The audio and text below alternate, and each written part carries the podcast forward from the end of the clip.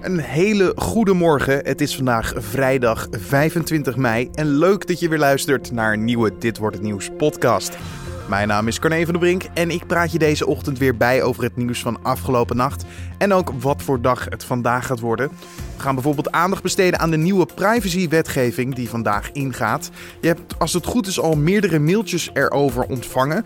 Maar moet je die nou allemaal wel lezen? Ja, je weet niet wat die bedrijven dan met jouw informatie doen. Als jij dat niet erg vindt, dan uh, moet je het niet gaan lezen. Je bent niet verplicht om het te lezen. Je hoort straks nog veel meer over deze Europese wetgeving. En we gaan ook nog vooruitblikken op de Champions League finale tussen Real Madrid en Liverpool. Maar eerst kijken we kort terug naar het belangrijkste nieuws van afgelopen nacht. Noord-Korea wil nog steeds met de Verenigde Staten gaan praten om de problemen die beide landen hebben op te lossen.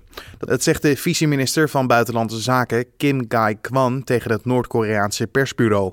Volgens Kwan is het besluit van de Amerikaanse president Donald Trump om de ontmoeting met de Noord-Koreaanse leider Kim Jong-un af te zeggen niet wat de wereld wil.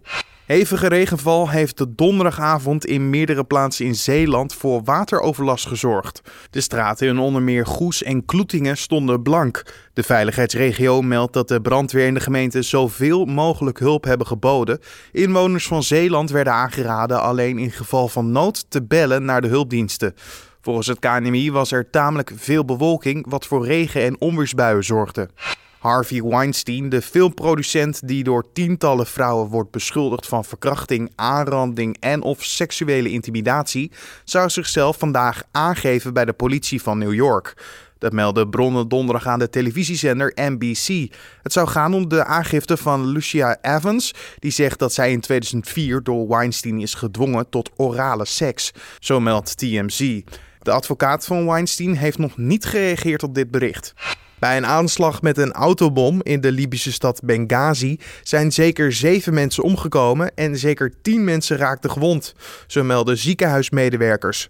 De bom ontplofte achter het Tibesti Hotel, het grootste hotel van de stad. Wie er achter de aanslag zit, is nog niet bekend. En dan kijken we naar het nieuws van vandaag, oftewel, dit wordt het nieuws. Waarschijnlijk ben je het al op het internet of via je eigen mailbox tegengekomen, maar vandaag gaat de nieuwe Europese privacywet in. De zogeheten Algemene Verordening Gegevensbescherming. Maar wat betekent deze wet voor jou en mij?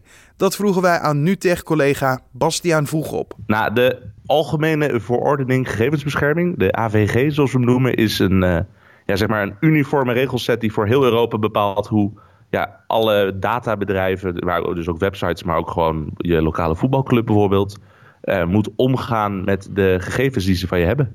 Maar waarom is deze wet dan nu van kracht? Waarom is die nu belangrijk? De wet is in april 2016 eigenlijk al aangenomen, maar nou, je kan je natuurlijk voorstellen, bedrijven zoals Twitter en Google en Facebook, die hebben natuurlijk data van miljoenen mensen. En uh, om dat goed inzichtelijk te maken wat daarvan gebruikt wordt en gebruikers erover in te lichten, daar was natuurlijk heel veel uh, tijd voor nodig. Dus die bedrijven hadden twee jaar de tijd om zeg maar, hun huiswerk te doen en zich voor te bereiden op uh, dit moment. Ja, want moeten bedrijven, die, wat je zegt, die moeten zich voorbereiden op dit moment. Moeten ze nog op een bepaalde manier verantwoorden voor gebruikers? Bijvoorbeeld, ik ben bekogeld met mailtjes van alle, uh, alle webshops waar ik iets heb gekocht. Of de nieuwsbrieven die ik ergens van heb. Is dit zo'n manier? Uh, nou, bedrijven moeten aan uh, al hun klanten gaan vertellen wat voor data ze van die mensen hebben. En hoe ze daarmee omgaan. Dat moet op een goede, bondige manier. Ja, natuurlijk al heel lang die privacyvoorwaarden bij allemaal websites. Van pagina's lang die het een beetje vertelden. Maar ze moeten op een bondige wijze zeggen van... wij zijn dit bedrijf, wij verzamelen dit van je... wij doen uh, daar hier, uh, dit mee dat is ook waarom je nu al die e-mails hebt. Want die websites hebben natuurlijk al veel langer je data. Die zijn nu verplicht om jou te informeren. En die zijn dus nu als een uh, gek iedereen aan het mailen om ze achteraf toch nog te informeren. Maar dan ga ik iets opbiechten naar jou. Uh, ik ik mm -hmm. zie die mailtjes inderdaad voorbij komen. Ik heb er één of twee gelezen, maar ik lees ze niet allemaal. Is dat erg dat ik dat doe? Ja, je weet niet wat die bedrijven dan met jouw informatie doen. Als jij dat niet erg vindt, dan uh, moet je het niet gaan lezen. Je bent niet verplicht om het te lezen. Uh, het enige waar het wel onhandig bij kan zijn om die mailtjes niet te lezen is bij bepaalde nieuwsbrieven. Want er zijn een aantal nieuwsbrieven die uh, ook weer voor jou expliciet toestemming moeten krijgen dat ze je mogen blijven mailen. En als jij dus dat het mailtje niet openklikt en zegt oké dat mag, dan krijg je opeens allemaal berichten in de toekomst uh, misschien niet meer binnen. Dus die moet je wel eventjes aanklikken. Maar als jij denkt van nou, dit is een mailtje van Twitter over hoe ze met mijn data omgaan, ik vind het allemaal goed, dan hoef je er niet op te klikken. Dat gezegd hebbende, mijn advies is wel, ik zou het toch nog even snel lezen. Ik ga het zeker doen inderdaad, naar deze tip. Uh, en dan is het de vraag voor mensen die dit nu bijvoorbeeld een klein bedrijfje hebben of uh, inderdaad in deze omgangsvorm zitten, die twee jaar hebben kunnen voorbereiden. Mm. hoe, hoe zit het bijvoorbeeld met boetes voor bedrijven die nog niet voorbereid zijn op deze nieuwe wetgeving? Nou, strikt gezien worden er straks natuurlijk boetes uitgedeeld door de autoriteit persoonsgegevens, die handhaaft zeg maar deze wet in Nederland. Uh, maar als je kijkt naar kleine clubs. Uh, ja, minister Dekker heeft ook al gezegd van joh, we gaan echt eerst kijken naar die grote bedrijven of die uh, de wet schenden. En zo'n kleine voetbalclub die misschien nog niet alles op orde heeft, die zal niet zo snel onder het licht bij ons komen. Dus die heeft nog wel ietsje langer om zich aan te passen. Je moest je daarbij ook wel bedenken dat de autoriteit persoonsgegevens die handhaaft dus deze wet. Maar die heeft ook al meermaals gezegd dat ze op het moment niet de mankracht hebben om ja, die gigantische hoeveelheid mogelijke overtredingen allemaal bij te houden in Nederland. Omdat ja, het is natuurlijk een relatief kleine organisatie die opeens veel meer verantwoordelijkheid krijgt. Dus ik denk ook niet dat het heel snel storm gaat lopen met de hoeveelheid boetes die er gaat binnenkomen op uh, de dag na deze wetsintreding. Ja, maar in jouw optiek, uh, het is natuurlijk wel te kijken naar uh, of dit een verbetering of een verslechtering voor onze privacy is.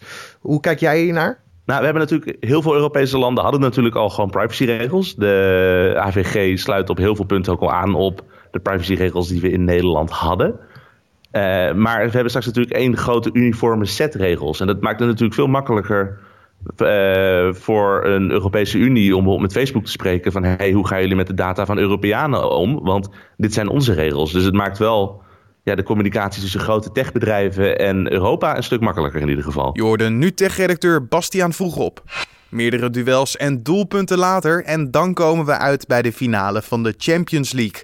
De twee clubs die om de beker met de grote oren gaan spelen zijn Real Madrid en Liverpool. Zaterdagavond zal de wedstrijd gespeeld worden, maar wij kunnen niet wachten op de wedstrijd en daarom gaan we nu al vooruitblikken met nu sportredacteur Riepke Bakker. En vooral ook naar het podium waar ook twee Nederlanders een belangrijke rol zullen spelen. Ja, want uh, ja, we hebben weer twee Nederlanders in een Champions League finale. Virgil van Dijk en Jorginho Wijnaldum aan de kant van Liverpool. En we mogen er ook wel een beetje van genieten dat er weer Nederlanders in de Champions League finale staan. Want ja, we zijn een land in voetbalcrisis en dat was de afgelopen jaren ook te merken. De laatste keer dat er namelijk een Nederlander in de finale stond, is alweer vijf jaar geleden. Arjen Robert, terwijl er eigenlijk al die jaren daarvoor altijd wel een Nederlander bij was. Dus we telden even niet mee, maar nu gelukkig wel weer met uh, ja, Van Dijk en, uh, en Wijnaldum. En uh, dan is de vraag natuurlijk, denk jij dat ze ook in de basis gaan staan? Ja, ja, ja ze staan uh, zeker in de basis. Het, het, zijn niet de mannen die de hoofdrol moeten gaan spelen hoor, bij, uh, bij, bij Liverpool. Uh, Van Dijk een fantastische verdediger, Wijnaldum echt een loper op het middenveld. Ze zullen waarschijnlijk niet gaan scoren, geen assistjes, maar het is wel heel leuk en knap dat ze er staan. Waarom? Omdat het ja, een beetje, het zijn jongens van midden 20, 26 en ze hebben eigenlijk de geleidelijke weg gevolgd. Hè. Wijnaldum van de top in Nederland, Feyenoord, PSV naar Engeland toe, Newcastle en nu bij Liverpool. Hetzelfde geldt voor Van Dijk. Stapje voor stapje. Celtic, topclub in Schotland. Toen naar Southampton, een middenmotor. En nu bij Liverpool. Zo zijn zij uiteindelijk als midden 20, 20 in die Champions League finale gekomen. Het zou eigenlijk ook een soort ja, advies moeten zijn aan jongen als uh, Justin Kluivert. Hè, die nu al op jonge leeftijd die stap wil maken naar het buitenland. Nou ja, Van Dijk en Wijnaldum bewijzen eigenlijk... de geleidelijke weg is het beste. En dan sta je als je 26 bent gewoon in de Champions League finale. Maar dan moet je wel kijken wie de favoriet tot nu toe is. Eh, is daar een duidelijk beeld van? Uh, ja, de favoriet is als je kijkt uh, puur op basis van nou, de ervaring binnen de spelers is dat natuurlijk ja, Real Madrid. Real Madrid maakt zich op voor een, een vierde finale in vijf jaar. zij hebben ja, een elftal wat al heel lang samenspeelt. Ik noem natuurlijk ja, de man waar het allemaal draait. Cristiano Ronaldo gaat voor zijn vijfde finale. Hij scoorde al vier keer in de Champions League finale. Verder hebben ze mannen als Modric. Ze hebben mannen als Marcelo. Ze hebben mannen die weten eigenlijk precies, want Real verliest nooit een finale. Die weten precies wat er moet gebeuren in zo'n finale. Dan winnen ze eigenlijk altijd. Deze eeuw heeft Real zelfs geen enkele finale verloren. De laatste keer dat Real een finale verloor van de Champions League of in de Europa Cup 1 is heel lang geleden. Dat was in 1981. Wel een heel leuk feitje, want wie was toen de tegenstander? dat was Liverpool. Dus oh. het kan wel. En ja, dus in die zin zou je zeggen, eh, het is wel mogelijk. Maar bij Liverpool moeten ze wel eventjes de goede, goede finale eruit pakken om uh, scherp te worden voor de finale. Ja, en scherp zal Ronaldo ook zijn. In de halve finale viel hij uit. Um, hij is volledig fit en hij zal ook gewoon weer meespelen. Um, ook voor Liverpool natuurlijk kijken we naar de belangrijke spelers. Er hoort natuurlijk de Egyptische Salah bij. Um, een wereldspeler heeft heel wat dit jaar laten zien. Hij zit op dit moment in de Ramadan. Dat, dat moet ook wel wat mee gaan spelen, toch? Nou ja, het is altijd uh, lastig voor een speler. Maar weet je, dit is geen jongen die uh, voor het eerst uh, op topniveau moet presteren. Hoewel hij dit wel de grootste wedstrijd zijn carrière. en ook de Ramadan moet volgen. Hij heeft in Italië gevoetbald heeft hij ook gewoon tijdens zijn carrière de Ramadan gehad. Dus in die zin um, ja, moet hij daarmee om kunnen gaan. Maar hij is wel inderdaad een man waar ja, iedereen bij Liverpool ja, op let. De man van het seizoen eigenlijk van Liverpool. Hoewel, je kan hem ook wel iets breder trekken. Want ja, het, het fantastische aan dit Liverpool is natuurlijk de aanval met Mané, Firmino de Braziliaan, Mané de Senegalese en dan Salah de Egyptenaar. Ja, dat is af en toe betoverend mooi. En dat is ook de kracht van dit Liverpool. En dat is ook de vraag van kunnen de grote meneren achterin bij Real ja, de Salah en, en de Firmino en Mané in toom houden. En dan moet het goed komen voor Real. Maar anders is het gewoon ja, hoop op een, eh, op een bevlieging van het, uh, van het supertrio. Ja, en eh, laten we nu even eerlijk tegen elkaar zijn. Heel veel mensen, als je het vraagt naar ga je kijken naar de finale, dan zeggen ze tuurlijk ik ga kijken. Maar altijd met een soort van terughoudendheid. Want de finale is bijna door de spanning nooit echt leuk om naar te kijken. Denk je dat het wel een, een leuke wedstrijd gaat worden? Wat zijn je verwachtingen? Nou, dat denk ik wel. Omdat heel gek. Dit is een van de leukste Champions League seizoenen die we de afgelopen jaren gehad hebben. Dat kan je alleen al zien aan de, aan de uitslagen. We, Barcelona, Roma 4-1, Juventus, Real uh, 0-3 en dan weer uh, Real, Juventus 1-3.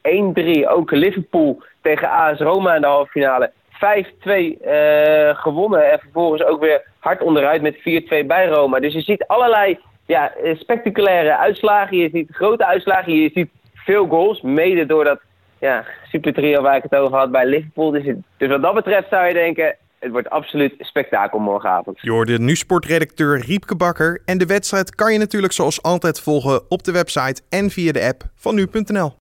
En dit gebeurt er verder vandaag nog. Nadat roze truidrager Simon Yates donderdag een tikje kreeg in de Giro d'Italia, kan Tom Dumoulin in de 19e etappe weer toeslaan.